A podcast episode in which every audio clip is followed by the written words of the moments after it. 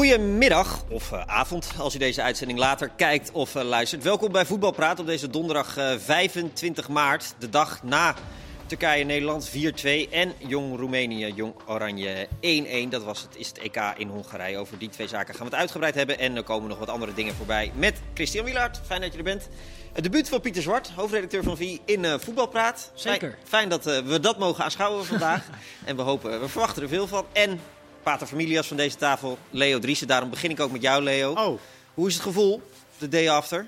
Nou, we zijn het wel een beetje, het is gezakt hoor. Ja? Jawel. Het is, Ben je bekomen van de het heeft klap? een plaatsje. Ja? Ja. Ergens, ergens diep achterin, uh, het is, diep in het achterhoofd? Het is, uh, het is nou niet zo dat je, dat, je, dat je kunt zeggen in algemene zin van... Nou, wat ik nou meegemaakt heb met het Nederlands elftal, dat hebben we nog nooit meegemaakt. Nee. Helaas. Helaas, is het wel ja. iets wat eens in de zoveel tijd voorkomt. Ja, want ik kreeg een beetje, ik moest een beetje denken aan Nederland-Bulgarije bijvoorbeeld. Of, of Turkije-Nederland in Konya toen. Dat was ook. Uh, Ja.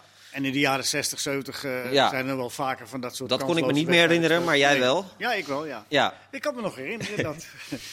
ik neem u mee terug. Nee, maar het, het- dat maakt het niet minder teleurstellend. Hè? En, en wat ik ook wel in algemene zin het meest opmerkelijke vind, is dat je, oké, goed, je kiest ervoor om op een bepaalde manier aan een wedstrijd te beginnen.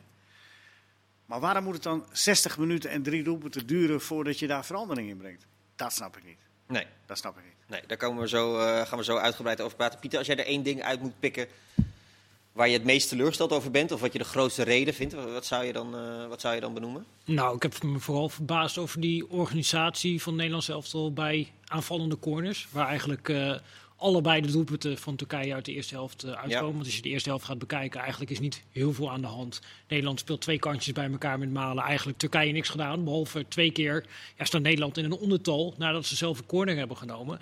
Ja, dan gaat het daar wel het een en ander fout. En ja, dat vraag je je af hoe dat kan. Dat is bijna kinderlijk. Ja, het is echt bijna kinderlijk. Je ziet twee keer gewoon een situatie ontstaan waar Turkije in een 4 tegen 3 en een 5 tegen 3 eruit komt naar een corner voor Nederland zelf. Ja, dat is iets wat te maken heeft gewoon met afspraken, met organisatie, met neerzetten. En ook weten wat Turkije doet bij Ja. eh, corners. Ja, die krijgen de indruk dat het totaal niet voorbereid is. Dat is heel vreemd om naar te kijken. Plus het gebeurt één keer en dan gebeurt er daar ook nog bij die tweede goal. Ja, dat is bijna amateuristisch. Ja, Christian, waar zit jouw grootste uh, baalpunt of uh, verbazing of teleurstelling? Nou, uh, als je speelt op deze manier tegen een tegenstander waarvan je weet, ja, die gaat inzakken, maakt de ruimte is heel klein. Uh, er zijn een aantal manieren om daar doorheen te spelen. Uh, door risico mensen te durven aanspelen uh, daar waar het pijn doet voor de tegenstander. En als je de bal verliest met goede pressing, de bal weer heroveren en dan tot kansen komen. Maar dan moet je wel spelers opstellen die, die daar goed in zijn. Uh, je kunt bijvoorbeeld een lange speler opstellen. Nou, Luc de Jong speelde niet, Weghorst was niet mee. Uh, en je kunt spelers opstellen die dan inderdaad uh, in de pressing, in de tegenpressing, heel goed zijn en ballen weer veroveren. maar ja, laat nou Berghuis en Malen net spelers zijn die bij hun clubs kritiek hebben gekregen onlangs over het feit dat ze daar een beetje een zwakke plek in zijn. Ja. Ja, als Depay zijn dag heeft, dan werkt hij hard. Als hij zijn dag wat minder heeft, werkt hij wat minder hard. Nou, dat was zo. Dus dan heb je er eigenlijk drie die uh, wat dat betreft te weinig meedoen. En je zag ook dat daar bijna ja, heel weinig kansen uit voortkwamen. Ja. Terwijl als je kijkt naar de goals die Nederland gemaakt heeft in de laatste wedstrijden... is vaak uit dat soort situaties of uit dode spelmomenten... die vaak weer voortkomen uit dat soort Ja, situaties. Dus ja, dan, dan blijft er weinig over. Nou, dat Ah, pakken we ook zo uitgebreid bij. Leo, uh, even beginnen bij de opstelling. Uh, want ik belde jou vanmiddag. Uh, en toen zei je, ja, je moet toch af en toe een beetje uh, Nou ja. pit in je elftal uh, stoppen. Nou, wat, je, wat ik zeg, je moet altijd wel één of twee horsels in je elftal zetten. Horsels, ja, dat in, noem je. in, in zo'n, te- tegen zo'n tegenstander. Moet je, en die hebben we. Ja. We hebben Klaassen, we hebben Van der Beek. Die kun je opstellen, gewoon in de beginopstelling. Want ik vind het beste billijke dat je kiest voor een eh, middenveld met de Roon. Eh, maar dan wel tegen Frankrijk, tegen Duitsland, tegen Engeland, tegen dingen. Maar waar niet het bewezen goed heeft gewerkt. Nou ja, maar ook waar je, waar je ervan uit kan gaan dat hij ook daar wel eh, eh, no- de nodige klussen krijgt. Maar als je nou uitgaat van je eigen kracht en je gaat je eigen kracht minder sterk maken, ja, wat is dan je eigen kracht? Want je, je gaat uit van je eigen kracht, balbezit en dit en dat, maar je zet voor dat soort voetbal niet je sterkste opstelling neer. Snap ik niet. Nee. Pieter, hoe kijk jij daar tegenaan? Ja, het, het was wel vreemd om daar eh, naar te kijken, die samenstelling van het middenveld. Ook omdat Wijnaldum die heeft het hele seizoen bij Liverpool eigenlijk als enige controlerende middenvelder gespeeld. Dus die heeft alleen voor zijn eigen defensie gestaan. Nou, die moet bij Oranje weer op 10. Eh Davy Klaas bezette natuurlijk in die vorige interlandperiode die positie van controlerende middenvelder. Ja. Die speelt bij Ajax nu op 10. En Frenkie de Jong die speelt bij Barcelona of als laatste man of als aanvallende middenvelder. Dus eigenlijk ook twee van de drie middenvelders zet je op een plek neer waar ze bij een club nooit meer spelen. Ja, en niet is- nodig. Nee, Niet nodig. Nee. Het is niet uit nood geboren van, ik, ik, ja, ik kan niet anders, ik moet ze daar wel... Nee, nee het een bepaald idee erachter dus blijkbaar. Ja, want je weet van tevoren, als je Turkije hebt geanalyseerd, dat die terug gaan zakken, neem ik aan, toch? Ja, al. Nou ja, Turkije kon je weinig gaan analyseren. Die hebben de Nations League gespeeld eh, Ja. in zo'n pool, wat niet de sterkste pool is. En daar moesten ze ook met name het spel maken. En dan krijg je een wat anders beeld. Maar als je ze tegen Frankrijk had bekeken, had je geweten inderdaad dat ze dit gingen doen. Ja, Eh, wat Christian net benoemde, dat druk zetten. Eh, ik zag een tactische analyse van jou vanochtend bij VI, waar je dat ook benoemde. Klopt er daar iets van? Ja, het was ook een beetje vreemd eh, om daar na te kijken. Wat ze duidelijk probeerden was om met eh Donjo Malen, de linkerspits, om die door te laten drukken richting eh, de centrale verdediger samen met Memphis Depay. En dan als het nodig was dat Wijndal helemaal doorging op Celik, de rechtsback van Turkije. En Ronald Koeman had daar altijd als stelregel voor. Nou, stel dat je op die manier druk wil zetten, moet de afstand tussen de laatste en de voorste man moet ongeveer 20, 25 meter zijn. Ja, je kunt de beelden erbij pakken en dan kun je ook tegenwoordig de afstanden berekenen. Dat was nu 40, 45 meter. Ja, dan moet Wijndal 20 meter extra lopen en dan kom je overal en altijd te laat. Ja, en dus ook daar ontbrak eigenlijk gewoon die coördinatie van ja, hoe probeert eh, het Nederlands elftal dit nu aan te pakken. Dus dat was ook een beetje ja, vreemd om ernaar te kijken. En we hebben het net inderdaad over de Roon, maar er staat er ook nog Kenny Tete achter, waarvan je ook eigenlijk weet dat hij niet moet hebben van zijn opbouwende, pasende kwaliteiten. Dus dan hou je eigenlijk die hele rechterkant, dan als- hou je alle dynamiek weg. Maar als we nou eens omdraaien hè, en we gaan dan weer uit van de gedachtegang van de bondscoach. Wat, eh, de, en, en we gaan het naar hem toe redeneren. Voor, en, en die wedstrijd moet nog beginnen. Wat is dan de reden dat je deze opstelling maakt? Hij legt het vooraf uit bij eh, de NOS dat zijn idee was dat Berghuis, die vindt het lekker om de bal in zijn voeten te krijgen. Op het moment dat hij Dumfries daar neerzet, dan moet Berghuis, die moet wat meer aan de binnenkant gaan spelen. Dat vond Berghuis, eh, was de analyse van de boer, niet zo lekker om aan de binnenkant te spelen. Hij kreeg liever de bal om vanuit daaruit te pasen en door te bewegen. Dan moest er een rechtsback staan die niet al naar de rechtsbuitenpositie loopt, waar dan eh, Berghuis eh, staat. Ja, dat was een eh redenatie erbij. Maar ja, het gevolg daarvan is, helemaal als je de Koon er ook nog achter hebt staan, ja, dat Turkije gewoon wacht tot die bal naar Berghuis gaat. Dan staat er een linksback in zijn rug, komt er een tweede speler bij. En dan krijg je eigenlijk vooral schoppen zonder dat je gevaarlijk kan worden. Ja, want, dat, dat zag je echt heel vaak. Tete en Berghuis allebei aan de zijlijn. Eh, eh, en wat je zegt, met, met je rug aangespeeld worden. Ik dacht dat we daar wel een beetje af waren van eh, een back en een buitenspeler allebei aan dezelfde kant. Precies op dezelfde hoogte. Dat dacht ik eigenlijk ook inderdaad. Maar wat dat betreft zijn we, nou, net als met eh, de resultaten en het spel wat je ziet, eigenlijk zes jaar terug in de tijd, eh, voor mijn gevoel, met het eh Nederlands elftal. En dat kun je ook wel de bondscoach aanrekenen. Ja, eh, Chris, want ik heb vanochtend nog een keer de, de eerste helft gekeken. Jij hebt het ook teruggedaan. Wat, het viel jou ook op, toch? Dat, dat, ja, dat het tactisch niet helemaal, eh, niet helemaal klopt. Ligt dat dan bij de bondscoach of ligt het bij de uitvoering? Ja, nou ja, ik- die ik- vraag kan je natuurlijk ook stellen. Nou ja, je hebt soms het idee dat eh, de spelers in het veld nog steeds heel veel doen wat er ook onder Koeman ingeslepen is. En wat natuurlijk niet zo, niet zo slecht was. En nou is het ook zeker zo dat, eh, er wordt vaak gezegd, Frank de Boer, dat is weer het spel in de U. Als je goed kijkt naar hoe Nederlands elftal onder Frank de Boer gespeeld heeft de afgelopen wedstrijden, dan kun je niet zeggen dat het hetzelfde is als hoe Ajax in 2012 speelde. Dat is echt wel anders.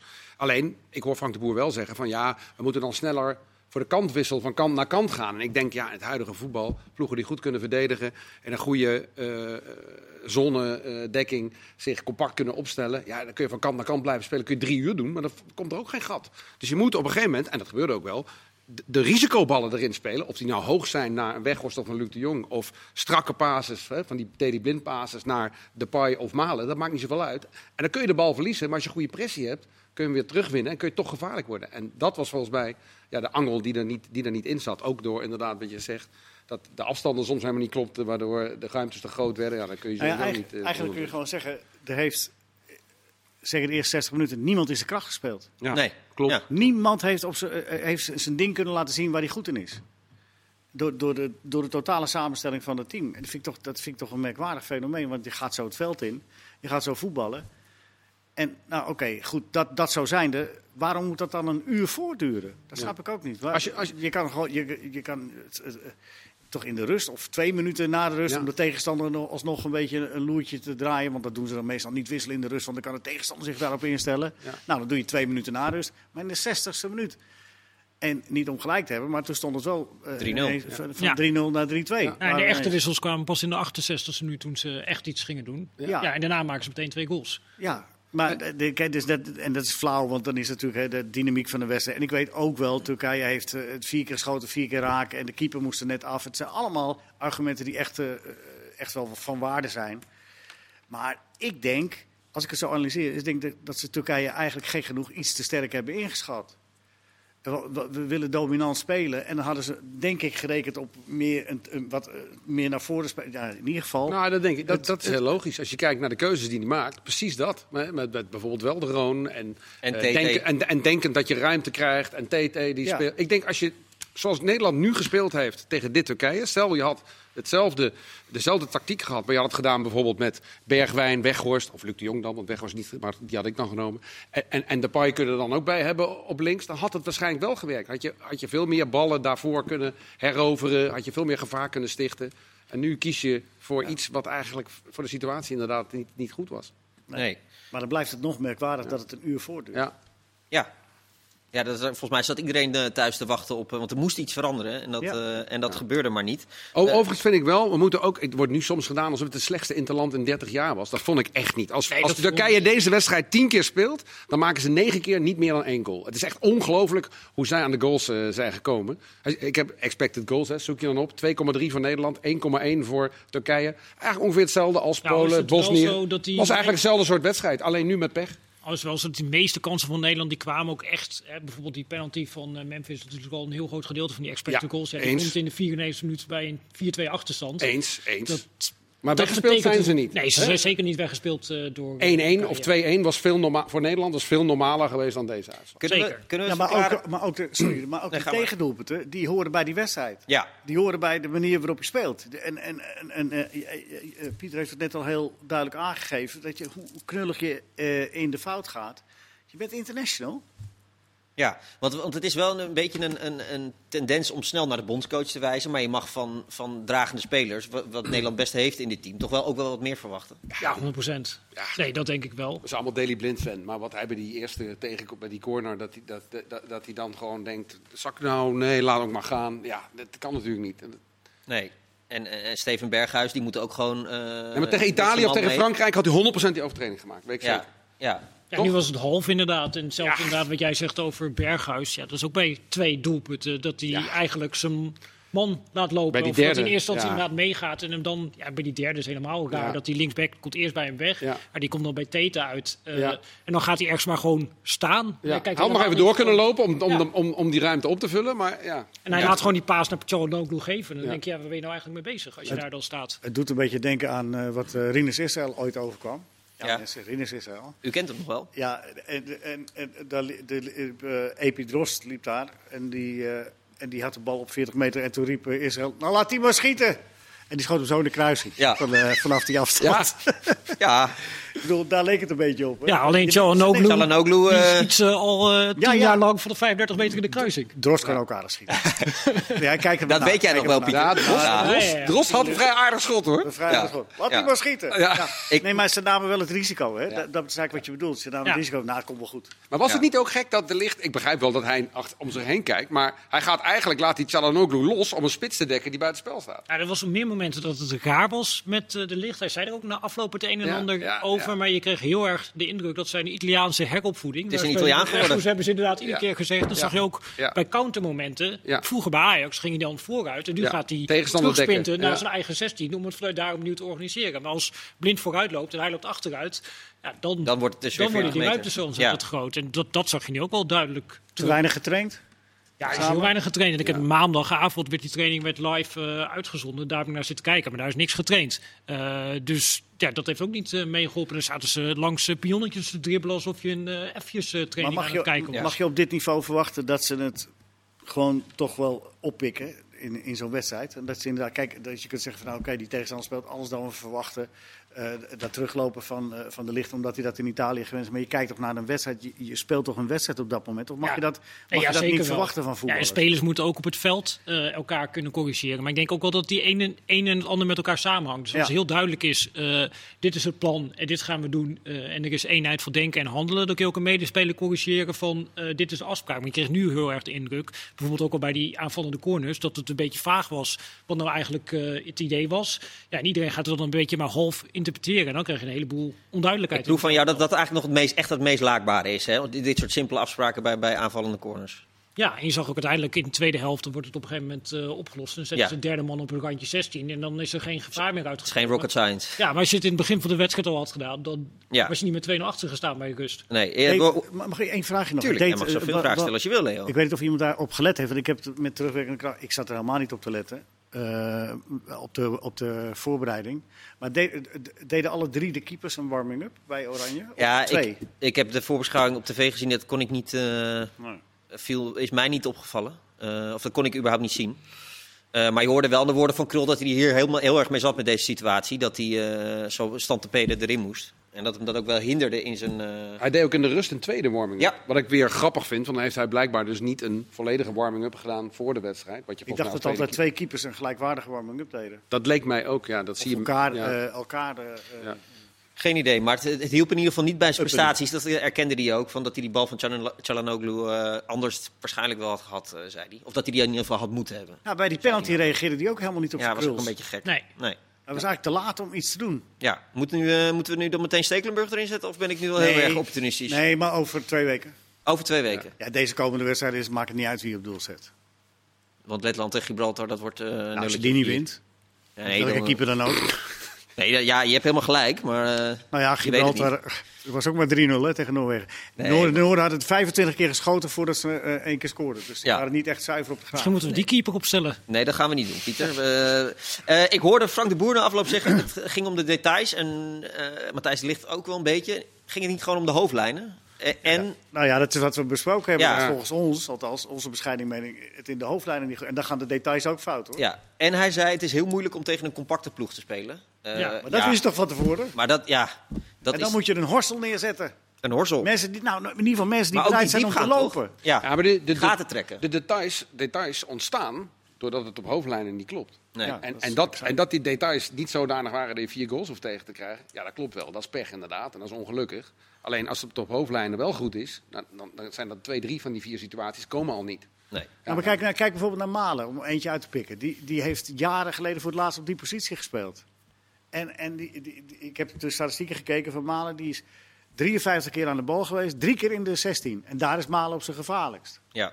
Dus ja, eh, dat kun je ook van tevoren bedenken als je hem daar neerzet. Dat dat kan ga- gaan gebeuren. En als je het niet meteen, dan nogmaals, dan kun je het toch wel eerder corrigeren. In plaats van hem daarna ruim een uur uit te halen. Want Dat is best link om Malen in zo'n wedstrijd eh, op links buiten te zetten. Ja, ook inderdaad op een plek die hij niet kent. En we hebben net gehad over druk zetten en de rol die hij daarin had. Dat is natuurlijk ook totaal anders dan met PSV, Ja. waar die gewend is om met twee man druk te zetten. Ja. En eigenlijk Ja. als je dat hele elftal doorgaat. Ik denk dat dat ook een kracht van Koeman was. Die liet al die spelers dingen doen die eh, heel erg leken op de dingen die ze bij een club deden. Ja. dus hij Ja. heeft helemaal niet het systeem van Oranje verzonnen. Hij zag op een gegeven moment dat het werkte bij Ajax, dat PSV iets Mhm. soortgelijks deed. En toen is hij bij Oranje zo gespeeld. En dan speelden eh, De Jong en De Ligt, die speelden allemaal in rollen die heel erg Ja. lijken op wat ze gewend waren bij hun clubs. Memphis die kreeg een rol die hij fijn vindt om in te spelen. En zo zetten die de sterkste spelers op de positie waar ze bij hun club spelen. En we hebben net doorgelopen. Nu spelen eigenlijk alle spelers spelen op een positie ja, waar ze bij hun club niet spelen. Maar dat vind ik wel interessant, want wat Koeman natuurlijk wel deed, is hij is eigenlijk de uitvinder van de tandem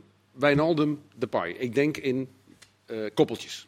Eh, hij heeft dat altijd laten staan en het heeft ook eh, terugbetaald. Ook al, want Wijnaldum speelt natuurlijk al heel lang niet op 10 bij, eh, bij Liverpool.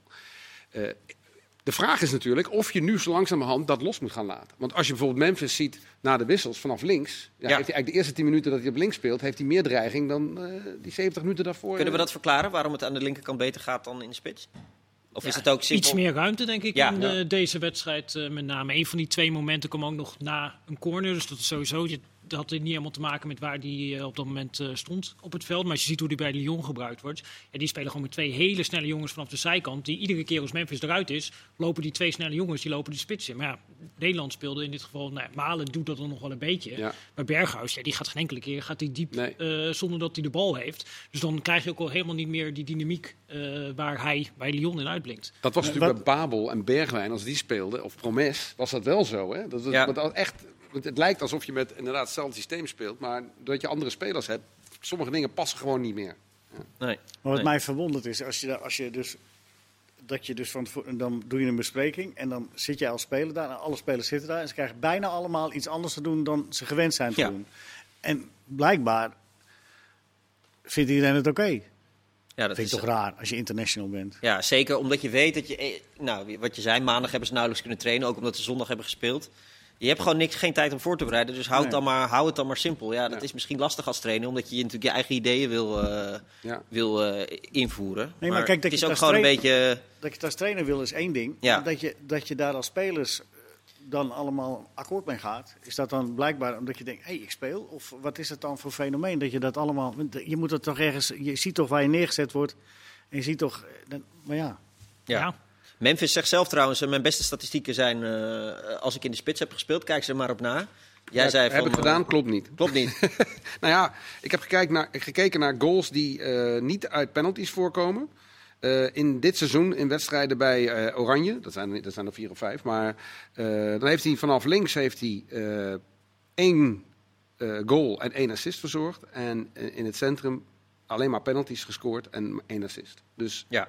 Zijn rendement is in dit seizoen, dat zijn een klein aantal wedstrijden. Maar als het verschil zo groot was ten faveur van, dan zou, hè, dan zou je dat ook in vijf wedstrijden in dit seizoen moeten zien. Ja. En dat is niet zo. Maar hoe je het ook went of verkeerd, Memphis is een dragende speler. Eh, misschien wel de meest invloedrijke speler in de selectie. ja dan Al- zeg je wat anders. Ja. Nou, het hij is ook laatste wel dragend. Hij is in die hele periode, sinds Koeman er is, bij meer dan 50% van de doelpunten betrokken. Precies. En eigenlijk is hij ook de enige aanvaller die bij doelpunten betrokken is. Want Ja. dat is natuurlijk ook al, was onder Koeman al een probleem. Je hebt één aanvaller die iets creëert en al die anderen.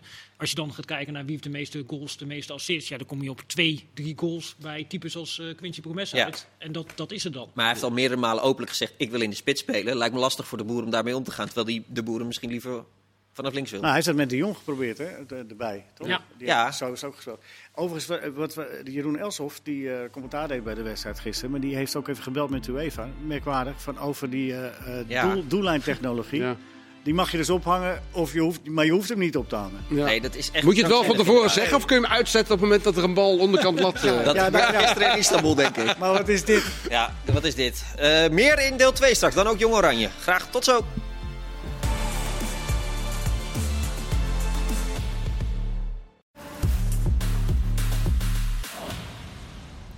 Welkom bij eh, deel 2 van eh Voetbal Praat. Het eh, ging een beetje snel net voor de onderbreking. Toen eh, Leo uitlegde hoe dat nou met de doellijntechnologie zit in de pool van Nederland. Of überhaupt in deze WK-kwalificatie. Je mag dus als land zelf bepalen. Ja, het is belachelijk. Nee, het is krankzinnig. Dus Turkije had het gisteren niet en Nederland Ja, heeft... ze hadden het wel, maar ze hebben het niet opgehangen. Ze Ja, hebben besloten er niet voor te kiezen. Ja, waarschijnlijk heeft het weer te maken met die eh, oude gedachte van de FIFA. Dat als je een WK-kwalificatiereeks doet, dat voor iedereen dezelfde regels moet gelden. En dat Dan bij moet wijze van verbieden. spreken in Ivoorkust dat ze geen doellijntechnologie kunnen toepassen. En dat daarom landen maar zelf mogen beslissen. Ja, maar dan moeten ze het verbieden. Ja. Dan is het overal gelijk. Maar ja, nu, nu is in de arena inderdaad- gaat het hangen Ja, nu. dat is heel vreemd. en, en, en wie, wie betaalt dat dan? De, de KNVB? Ja, dat ding hangt er toch al? Nee, nee, nee het moet- zijn wel losse, losse camera's die steeds moeten worden opgehangen. Ah, oké. Dat weet ik niet. Dus, dus dat, daar kan het inderdaad mee te maken hebben dat het een kostenkwestie is. Eh, Dat kan voor de kaartjes, want er worden kaartjes verkocht. Hè, voor de, 5000 in totaal. 5000, dus. Kunnen ze precies die doellijntechnologie voor neerhangen? Dat wordt wel weer een verademing. eh, om nog een klein beetje positiviteit op deze donkere donderdag eh, eh, te brengen. Ah, kom aan, je kunt nog 27 punten halen. Zeker. Maar je gaat wel de hele tijd, eh, om maar een mooi cliché te gebruiken, achter de feiten aanlopen. Als Eh, Turkije alles blijft winnen. Ja. Ja, Noorwegen is eigenlijk de gevaarlijkste, denk Ja, ik, in deze jezus. Eudegaard, Haaland, Ja? Ja. Maar die, weet je hoeveel die gewonnen hebben van Gibraltar? 3-0. Hoeveel goals van Haaland? 0. Door naar de volgende.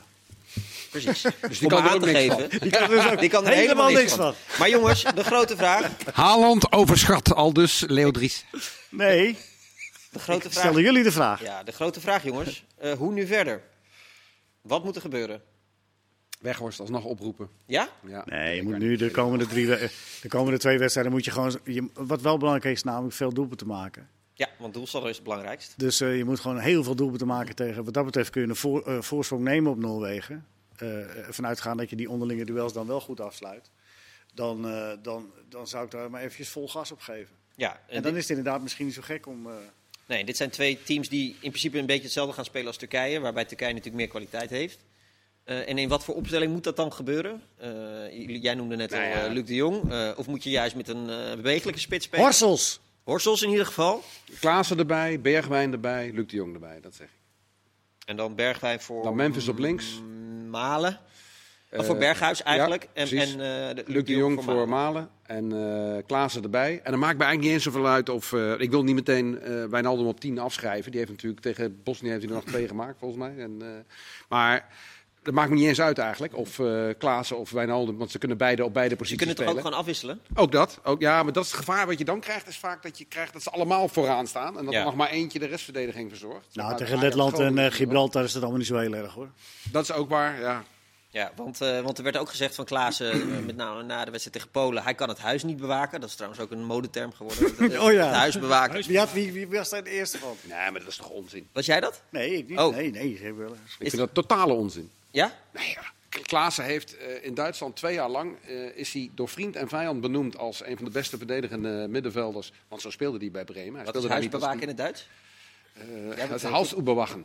Dankjewel, Chris. Maar, eh. Onze Ivo, Nee, maar- Ivonie? Nee, en ik weet precies waar dat over gaat. Uh, Klaas is natuurlijk niet een supersnelle sprinter. En hij wordt er in één situatie uitgelopen door een eh, Poolse middenvelder. En die sprint is 30 meter. En je ziet hem in 30 meter steeds verder achterop raken. En dan zeggen mensen, ah, dus niet geschikt. Maar Als dat zo is, dan kun je Busquets morgen eh, met pensioen sturen.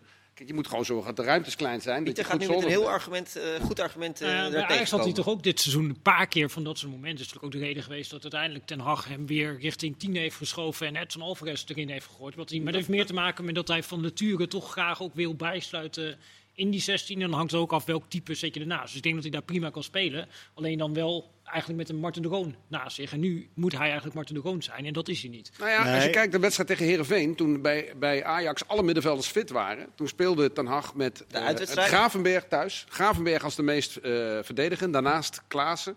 En op 10 speelde Kudus. En dat ging fantastisch. Ja. Dat was wel Herenveen, oké. Eh, en de reden waarom Klaassen op 10 is gaan spelen, is vooral de blessure van Kudus, niet andersom. En, en toen is dat Alvarez erbij gekomen om die plek op te vullen. En Alvarez heeft daarna de vorm opgepakt. En- Maar Labiat en uh, die hebben daarna een hele periode op 10 uh, Ja. gespeeld. Uh, Daarna met ook Klaassen nog? en Ja. Gravenberg uh, er nog achter. Het was ergens in februari geweest dat uiteindelijk Alvarez... ja, klopt. erin Alvarez is niet meteen gekomen. Maar hoe dan ook, je moet een Klaas altijd opstellen.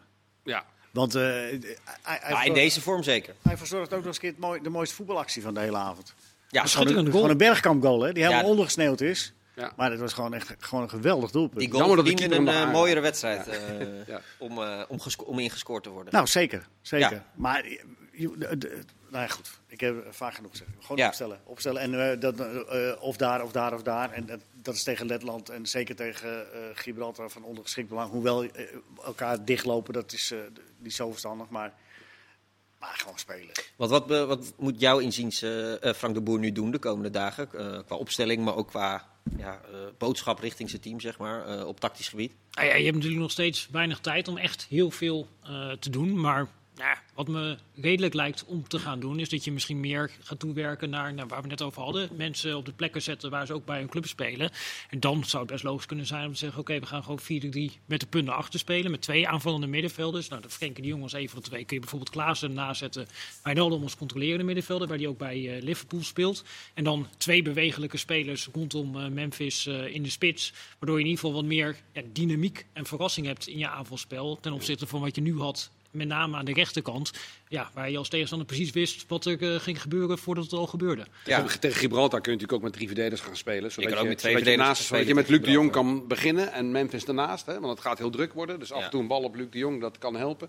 En eh, dan kun je aan de buitenkant de mensen zetten met een, eh, met een goede voorzet. En als je drie man achterin hebt, is het natuurlijk zat tegen de aanval van Gibraltar. Ja, alleen Wijnaldum heeft in Nederland zelf op de controlerende posities nooit echt eh, fijn gefunctioneerd. Nee, klopt. Maar toen was het natuurlijk ook, hij werd in een periode neergezet dat hij bij Liverpool ook weer net wat anders gebruikt werd. Maar hij heeft nu bij Liverpool wel geleerd hoe hij dat zou moeten invullen. Dus Ja. ja. dat heeft hij een heel seizoen redelijk betrouwbaar gedaan. Ook al ja, heeft Liverpool geen geweldig seizoen. Ik wou net zeggen, het, gaat- het draait geweldig. Nee, nee, nee, maar Klopp heeft ook al over hem gezegd. Van, nou, het is een van de weinige lichtpuntjes en een stabiele factor binnen eh, een elftal wat totaal instabiel is. Heeft Dus- hij niet één of twee wedstrijden zelfs als centrale verdediger eh, gespeeld? Of een gedeelte van een Ja, wedstrijd? dit, dit seizoen niet, Oh, eh, maar wel in de seizoenen ervoor. Bijvoorbeeld Maar- Brighton kan ik me nog herinneren, toen heeft hij dat wel een keer gedaan, ja. Maar nou ben je bondscoach. En, eh, en eh, je zou ook kunnen redeneren, ik geef eh, dezelfde basis eh, een kans zich te revancheren. Ja, maar daar zeg je... ik denk niet dat, dat, dat, ik denk dat hij dan wel veel over zich heen krijgt, of niet? Als hij, als hij dat weer doet. Ja, en dan win je met 3-1 van Gibraltar. En heb je je dan Hij gerevancheerd? vindt de groep, groepdynamiek belangrijk. Dat heb ik wel gezien ook, dat hij mede daar Weghorst niet erbij haalt. En, en, en, dus dus eh, je geeft op een gegeven moment, je geeft een elftal, eh, 24 uur geleden gaf hij 11 jongens het vertrouwen. Hè, en de wet Sillissen werd dan nog van, oké goed, maar die geven vertrouwen. Eh, ik kan me heel goed voorstellen dat hij zegt van, eh, nou laat het nu maar zien eh, eh, dat dat Tegen Gibraltar. Tegen Letland thuis. tegen Letland. Met Letland. de Tegen en Tete als verdedigende Nou ja, opties. Nou ja, Dumfries gaat 100% eh terugkeren in de basis. Dat eh, toch? Ja, en zo kun je. Ik zei, ik zei alleen maar wat een psychologische optie zou kunnen zijn. Ja. Als je, het, als je de groepsdynamiek zo belangrijk vindt, dan kan ik me voorstellen dat je dan in ieder geval in de voorhoede diezelfde. De Balen heeft een verschrikkelijke wedstrijd gespeeld. Dat hij dan eh, in, een herkansing krijgt in een wedstrijd waarin het wat makkelijker zou moeten zijn.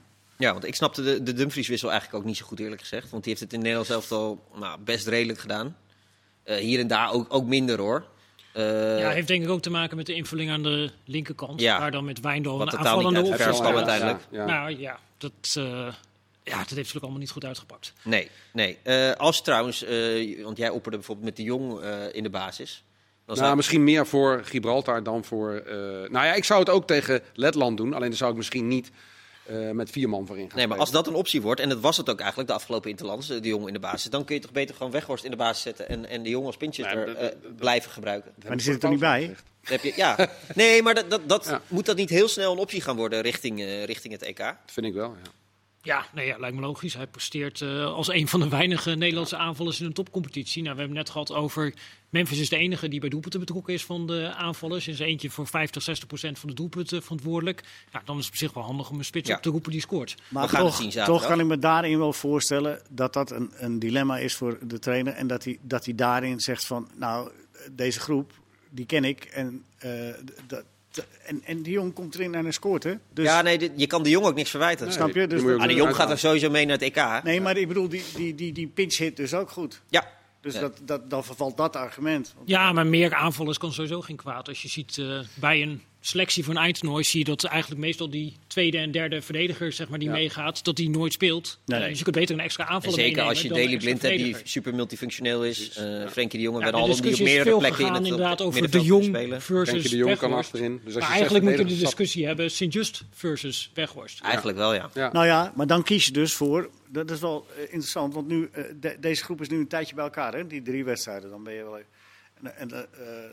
weet niet meer wie dat zei, maar eh Michels koos in 88 ook eh, voor een langere periode voor een drietal spelers waar hij nooit last van zou hebben. En die al lang blij waren dat ze erbij waren en die hij nooit zou gebruiken. En eh, ik denk dat hij verwacht.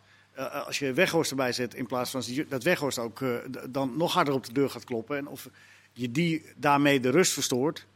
Ik denk, ik denk dat dat overwegingen zijn. Nou, misschien is dat wel Of goed. als- misschien is het juist wel goed als de rust verstoord wordt. Nou ja, eh, Maar Weghorst bij AZ of bij Heracles is natuurlijk wel Hij is wel heel erg bij vooruitgegaan met- op mentaal gebied, eh, hoor. eh, Volgens mij. hij is nog harder aan het kloppen. En terecht. Ja, want nee, dat doet hij hartstikke op voor zijn eigen carrière. Ik- Maar dat betekent niet dat je een keurige ja-knikker in je groep haalt. Nee, nee, dat is waar. Ik wou er graag door naar Jong Oranje, met jullie wel bevinden. Tenzij jullie echt nog iets kwijt Moet willen over? Oranje. Nee, nee, nee, dat mag niet meer, helaas. Ik had wel het idee toen ik naar Jong Oranje keek... oh, hier zit wel iets meer een, een, een gedachte achter, achter het spel. Het is meer structuur en... eh, de uitvoering was weliswaar niet, niet fantastisch. Eh, maar je zag wel dat het team al lang samenspeelde op een... eh, Ja, op Ja. een eh, Ik ben enorm geschrokken van het laatste half uur. ja, dat klopt. Dat Ja, was gewoon helemaal door de niet... hoeven. Die hadden Roemenië gewoon kunnen winnen. Ja, dat is waar. Moeten Dat winnen. waar. Ja, Ja, het begon aardig en het zakte weg. Onze Ja. collega Stef de Bond had een heel verhaal met eh, Erwin van der Looy... en hoe hij tot deze speelwijze was gekomen. Hij hecht er ook heel erg aan om te benadrukken... dat hij eerder dit systeem speelde, 4-2-2. Ja, dat zegt hij heel vaak. Ja, ja. ja. Wat ik wel ook alweer grappig vind, dat je, dat, dat, dat je daar zo aan de hecht op dat nog even Ja, eh, ja. te roepen. Maar ja, het, was, eh, het is eigenlijk ontstaan tijdens de kwalificatiereeks. En bepaal, hij die speelde eigenlijk eerst zoals Koeman speelde, met een opkomende rechtsback, Zeefuik. En dan Stenks aan de binnenkant. Nou, dat was wat te voorspelbaar op een gegeven moment. En toen is hij bij dit systeem eh, uitgekomen. En ja, het kwam Na een omzetting tegen Portugal was het toch? Eigenlijk meer ook een soort gevoelensfressen. eh Klopt, ja. dat ook een wedstrijd eh, die ze wel wonnen tegen Portugal. Maar desondanks inderdaad kwam er na de omzetting. En dat werkte ja, redelijk goed in die kwalificatiegeest. Nou, je zag ook dat die spelers op zich wel wisten wat van hen verwacht werd. Maar het, het zakte, na de eerste tegenslag slag- zakte dit ook wel heel erg ver weg. Ja, dat eh, was niet best. Eh ehm, Reis, daar blijft Van der Looy op, op, op, op een bepaalde manier maar aan vasthouden. Ja, die, eh, als je dat terugkeek, en ze haalden er wat eh, momentjes uit Ja. van hem eh, gisteren af. Dan schrik je eigen eh, een hoedje. Want dan denk je, jeetje mina, daar gaat wel een heleboel verkeerd. En dan eh, zeg maar de eigen fouten lopen corrigeren de hele tijd. Ja, dat hebben wel andere dingen te doen. Ja, en dat is eh, op zich niet verrassend, want dat gebeurde wel vaker in wedstrijden van Jong Oranje. Alleen tegen, ja, zeg, hetzelfde verhaal als de Roon, Engeland, Portugal, is hij super nuttig. Ja. Alleen je had gewoon een type Haroui nodig. Meer voetbal, tenminste had ik het idee. Ik vind Haroui vind ik onbegrijpelijk dat hij niet speelde. Ten eerste omdat, nou, ik, ik, heb het laatst opgezocht, van alle middenvelders in de eredivisie is Haroui geloof ik degene die de meeste ballen verovert de helft van de tegenstander. Dus het is niet zo dat het alleen maar een voetballer is. Pieter Zwart zoekt veel op, maar jij ook hè? Ja, zeker. Ja, Hey, maar Pieter zit nu aan je tafel. ouder wordt, moet je niet moet een beetje indruk maken hè? Als je ouder wordt, moet je meer op. Nee, maar als je, als je eh, dat is zeker zo. Maar als je, maar als je Reis daar neerzet omdat die ballen kan afpakken. en je hebt er eentje die dat minstens zo goed kan. maar die ook nog beter aan de bal is. Ja. waarom zou je die dan niet opstellen? Dat ja, verbaast mij gewoon. Nou, weet ik wel dat hij bij Sparta ook soms wat meer rechtshangend speelt. Maar ook zeker regelmatig op die positie. En eigenlijk doet hij dat altijd heel goed. Dat is wel goed dat je dat vraagt. In algemene zin hè, kun je dan afvragen, als je, bij een trainer als Louis Vergaal heb je nooit enige twijfel of hij de beste man op de beste plaats opstelt. Hè. Hij heeft daar helemaal nooit een, een tweede gedachte bij. En, en je, bij, bij andere mensen denk je van, ja, dan ga je je afvragen, wat is hier nou de achterliggende gedachte? Dat is eigenlijk heel gek dat je dat bij andere trainers wel afvraagt. Nou, ik beschuldig, ik een beschuldig dubbele- van, van der Looy niet van dat hij aandelen Reis heeft of zo. Hij kent hem natuurlijk goed. Hè? Nee, dat maar is vaak iets maar van... dan noem je al iets. Ja. En, en, en eh, ja, daar waren. Het is toch het is een raar fenomeen. Dat, dat trainers dan, of het is tunnelvisie. Het is, eh, het is nooit allemaal. eh, het- ik bedoel het ook niet eh eh, eh, kwaaiig of zo. Maar Nee. het valt mij op. Ik Het denk is de wel, enige trainer die ik ken die echt, die echt uh, rukzichtloos altijd het beste elftal heeft opgesteld. Ja. In zijn ogen dan. Hè? Tuurlijk, tuurlijk. Nou ja, maar dan ook voorbij gaat aan. De, de- geen, geen Welke reputatie dan ook. Of, of, of- ja. Ja. Je, je ziet vaak dat spelers die het ergens heel goed hebben gedaan, dan, gaan ze, dan gaan ze naar een andere club en spelen ze een tijdje minder. En op een of andere manier zijn ze daarna twee, drie jaar zijn ze veel minder. En dan op een gegeven moment komen ze die coach weer tegen onder wie ze zo goed presteerden. En die coach denkt dan altijd van, als ik die nu haal, gaat hij weer onder mij precies zo goed spelen als hij toen deed. En het gebeurt bijna nooit. Nee. Eh, eh, Narsing, nu naar Twente bijvoorbeeld. Dat vind ik typisch zo'n zo'n voorbeeld. En misschien is Reis ook wel een beetje eh, zo... Narsing heeft trouwens aardig wat assists gegeven hoor, wel weer bij Twente. Heeft Leo opgezocht. Nee, gewoon, ja, dat is toch Hoeveel? Hoe zit het in je hoofd? vier of vijf. Nou, Eh. Brobby had wel wat eerder mogen komen, hè? Tenminste, dat, dat, ik zat daar heel erg op te wachten. Eh, of of delen, jullie, delen jullie die Ze conclusie? kwamen nauwelijks nog aan die kant. Nee, dat is waar. Ja. Maar ja, Want hoe, hoe vaak is Bro- Brobby heeft één keer buitenspel gestaan volgens mij. Ja. Met een Ja, omdat hij maar keer 10 in de minuten speelde. Hè? Omdat hij maar 10 minuten speelde. Ja, maar ook die, die minuten daarvoor was het... eh, Op de een of andere manier was Nederland, en dat hebben we net al een beetje eh, Ja. benoemd, was het kwijt. Het ging gewoon niet. Maar ja, ook het spel van, hè, ik heb, eh, als we Stef de Bond lezen, van Jong Oranje was heel erg gestoeld op eh, snel die ballen naar voren spelen. eh, af en toe zelfs op het opportunistische af. En dan als je de bal verliest met pressie weer terugwinnen en zo tot kansen komen. Maar dan moet je dus jongens hebben die pit hebben, die actieradius hebben, die, hoe noem jij ze? Nee, wes- wespen? Nee, bromvliegen? Horzels. Horzels. Horzels. Je moet een horsels hebben. Ja, Gakpo is een horsel. Maar Kluivert vind ik geen horsel. En Maar toch, wel, hij was wel een van de beste, Kluivert, gisteren. Maar ja, Maar ook na afloop die analyse van Kluivert. Ja, het is een, die jongens zijn jong natuurlijk. Maar ja dat, ook, is ook, eens even, dat is nou helemaal zo. ja, maar dat er dan gezegd wordt van... eh, de, de, de- die tegenstander, eh, Roemenië, die heeft gewoon goed gedaan. En die hadden gewoon eigenlijk moeten winnen. Dus, eh, maar dan is toch nog de analyse na afloop... nou, we zijn veel beter. Ja. En het is onbegrijpelijk. En we hadden dit en we Ja, hadden dat. dat Ja, ook maar- denk ik een beetje soms het kenmerk van een groep of ze nou wel of niet onder een goede trainer of onder een toptrainer zijn. Bijvoorbeeld eh, de periode dat eh Van Gaal bondscoach was, maar ook de periode dat Koeman bondscoach was. Als je dan de interviews na afloop hoorde, had iedere speler hetzelfde verhaal. Ze konden precies tot in eh, detail vermelden. Oké, dit gebeurde er, toen hebben we dit omgezet. eh, en toen ging het lopen of toen ging het niet lopen. Dit ging fout eh, toen het eh, fout ging. En nu hoor je en bij Jong Oranje en bij Nederland zelf de afloop allerlei verhalen van spelers dat je denkt van Die niks met de werkelijkheid van doen hebben. nee, Ja, dat en is ook- heel vreemd. En ook los van elkaar niet helemaal. eh, Die allemaal met een niet andere analyse ook komen, Ja, inderdaad. nee, dat is inderdaad opmerkelijk. De zaterdag is het eh, Nederland tegen Letland en Jong Oranje tegen eh, Jong Duitsland. Ik wil even naar Peter Bos. Want Pieter, nadat je... Maar naast- Jong Duitsland, dan noem je wel. de- Jong Oranje speelt wel meteen een sleutelwedstrijd. Ja, die moeten ze gewoon In winnen tegenstelling tot uh, Nederland zelf. Ja, ja, ja, winnen. Nou, dat is ook wel heel opvallend. Hè? Dat, eh, ja, dan ga ik je toch in de reden Ja. van. Maar het ging over Gakpo niet, nul Botman niet. Die moeten we doorschuiven, moeten we sparen voor Duitsland. Nou, als ik naar de namen van Duitsland kijk, dan vraag ik me af of Jong Duitsland zoveel sterker is dan Jong Roemenië. En, eh, Oh, die gaan we ook makkelijk. en het, eh, nou ja, dat zeg ik niet. Maar de twe- het tweede is. Twee vingers in de ja, maar het tweede is, er gaan twee landen door in, Twee in, vingers in in de pool. Er gaan twee landen door in de pool. Dus misschien moet je wel juist zo'n wedstrijd als Dit Jong Roemenië dan in ieder geval winnen. Ja. Ook al is, al, al, al, al is het maar omdat het de eerste is. Goed, Ja, klopt. dat gezegd. En dan wil ik even naar Peter Bos. Want Pieter, naast dat jij hoofdredacteur bent van VI en met uitstekende analyses komt... eh, die Peter Bos trouwens ook heel vaak las in voorbereiding op een Europa League wedstrijd van Ajax. Heeft Eh, goed geholpen dit keer. heeft goed geholpen. Nee, helemaal niet. Hij heeft je er ook, ook benaderd om assistenttrainer te worden, toch? Ooit, ja. Ooit. Bij welke club? Nou, dat was toen eh, meer eh, in eh, algemene zin of ik daarin eh, geïnteresseerd eh, zou zijn. Hij kreeg op, op een gegeven moment ook de vraag van wat ik over tien jaar zou doen. Toen zei hij, zou die in mijn staf zitten? En toen heb ik eh, vriendelijk gezegd dat ik daar eh, als journalist niet op zit te wachten. Nee, wat, Nee, als journalist niet, maar het grote geld pakken man als assistent-trainer. Ja, maar dan had hij nu geen baan meer gehad. Want eh, Oh ja, Peter ja, Bos is... Maar wel een zak geld mee, dat is toch? waar, dat is waar. Maar ja, Als ik het voor het geld had gedaan, dan had ik dat zeker moeten doen. ja, ja. En waar Had je in september in de staf van Oranje gezeten? Oh, oh. Chris, jij hebt eh, Leverkusen vorig jaar heel veel gevolgd. Dit jaar iets minder. Door ja. corona kon je daar niet altijd heen. Nou ja, jij volgt Leverkusen denk ik ook op de voet. Eh, waar is het misgegaan? Ja, is een eh, lang verhaal voor wat er eh, is misgegaan. En het gekke is eigenlijk, ik zat eind december met hem. eh, vlak voor die wedstrijd tegen Bayern. Toen was hij even in Nederland. Toen heb ik in Apeldoorn met hem gezeten. En toen stonden ze bovenaan in de Bundesliga. Waren ze ongeslagen. Kregen ze nauwelijks een tegendoelpunt. En ja, was er helemaal niks aan de hand. En vanaf de winterstop, of eigenlijk die wedstrijd al tegen Bayern... Ja, is alles misgegaan wat er mis kon gaan. En zij zijn in een vrije val gekomen. En ja, Bos heeft dat niet kunnen kantelen. En ja, wat, wat een beetje vreemd is daarin ook, als je merkt hoe hij gewerkt heeft in Duitsland, zie dat hij daar ten opzichte van ook zijn Dortmund-periode, dat hij flexibeler is geworden. In zijn manier van denken, in de systemen die hij hanteert, in nou ja, een tegenstander passen gaan en wij moeten ons daar ook Hij is niet meer zo star dat hij alleen maar zijn eigen filosofie wil volgen. En iedereen moet daar maar in mee. Hij- Ja, precies. Er werd Nee. altijd hem verweten van hij heeft geen plan B, maar hij Ja. heeft daar eh, in een heleboel verschillende systemen gespeeld eh, en juist wel dat aanpassende vermogen getoond. Maar toen het fout ging, eh, toen is hij eigenlijk gaan volharden en is hij steeds radicaler geworden in zijn eigen visie. Terwijl Ja.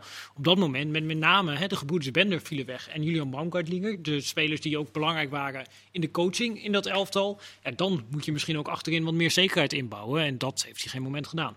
Nee, waar ligt zijn toekomst, denk, je, denk jij, Leo? Ja, Ik, ik zat aan AZ te de denken. zijster, zijster Peter Bos. Ja, maar ja, dat Eh, zit niet Frank de Boer. Nee, ja, nee, nee, nee, maar ik bedoel meer, er, er, zijn daar, er is daar een vacature. Art Langeler is Oh, de daar directeur voetbalontwikkeling. Nou ja, en eh, het zou een zeer verfrissend gezicht zijn met een hele, hele goede kijk op voetbal. Die in theorie vaak eh, nog beter werkt dan in de praktijk. Want de praktijk is weer barstig en, en, en, en neemt heel veel risico's. Maar ik vind het wel mooi als je het eh, voetbal zo probeert te, implementeren. Wat dat betreft zou ook nog Alex Pastoor een hele goede naam zijn. Die is terug uit eh, Oostenrijk. Dus Ja. Eh KVB... Denk- eh, denk- jij hebben kent ze- hem een beetje, Pieter. Jij, jij ook, Chris. Denk, denken jullie dat dat wat voor hem zou zijn? Of wil, die- gaat hij gewoon naar de volgende grote club? Ik denk dat hij eh, coach wil blijven. hij Dat denk ik ook, Dat ja. vindt hij geweldig. Ja, ja, dat denk ik ook. Maar ik, ik, ik, ik zou het alleen prachtig Je kan het proberen als eh, KNVB inderdaad, eh, nou ja. om hem te overtuigen. dat. Is, AZ, is AZ te laag of is dat eh, voor, voor Peter Bos? Nee, ik denk niet te laag. Maar ik denk dat eh AZ doorgaat met de huidige coach. Ja. En, en ik denk ook dat er wel aan, andere aanbiedingen zullen komen. Ik denk dat Peter Bos nog steeds een goede naam heeft. hoor. Ja. Ook als je, Ik heb laatst heb ik voor, eh, voor internet, voor online, een interview met Ralf Rangnick gemaakt. En dat gaat dan over het Nederlandse voetbal. En zegt hij, ja, dat is natuurlijk allemaal een beetje oude. Ja, Peter Bos. Ja. Daar had hij grote waardering voor. Weet je. Hij heeft echt in Duitsland, ondanks wat er nu gebeurd is, hij heeft nog steeds een hele goede en grote naam. Ja, en je stak net je hand op, je wilde wat zeggen? Nou ja, over, over wat, wat, nog wat, één minuut. Nou, ja, nou, over Leverkusen, wat ook wel heel erg meegespeeld heeft. Er zijn, natuurlijk hele belangrijke spelers eh, kwijtgeraakt. Volland, eh Havertz. En daar is eigenlijk niet echt dezelfde kwaliteit voor teruggekomen. Een van de spelers die teruggekomen eh, zijn is Arias. Rechtsback hadden ze een probleem. Die raakte na twee weken zwaar geblesseerd het hele seizoen eruit. Verder hebben ze alleen Chic gekregen. Da- daarmee kun je niet Volland en Havertz compenseren. Toen heeft hij aan het begin van het seizoen gezegd... top 4 bij deze selectie is totaal niet reëel. Nou, vervolgens, ook door een beetje geluk en omdat de dingen in elkaar vallen... sta je eerst in december. De verwachtingen zijn torenhoog. En als je dan een paar keer verliest... dan komt het ook extra hard aan. Zelfs bij Rudy Vuller. Goedie Vuller, ja, want die heeft hem nu ontslagen. Dus de functie eh, elders van Peter Bos, die eh, Nou ja, op als hij deze na- eh, Als je naar AZ gaat, is wel roerige dag wordt wel eh, later ingevuld. Ja, Interessant of, of eh, AZ heeft natuurlijk een bepaalde filosofie. En is dat helemaal de Bos-filosofie? En willen ze eh, eh, zich aan elkaar aanpassen? Dat is, Weet, weet je wat ik mooi zou vinden? Schalke. Schalke. Lekker. Schalke en Peter Bos. Dat zou een mooie eh, combinatie. Pieter, dankjewel. Yes, We vonden het eh, leuk de eerste keer. Dankjewel Chris, dankjewel Leo. Bedankt u voor het kijken. En eh, tot snel bij ESPN. Dag.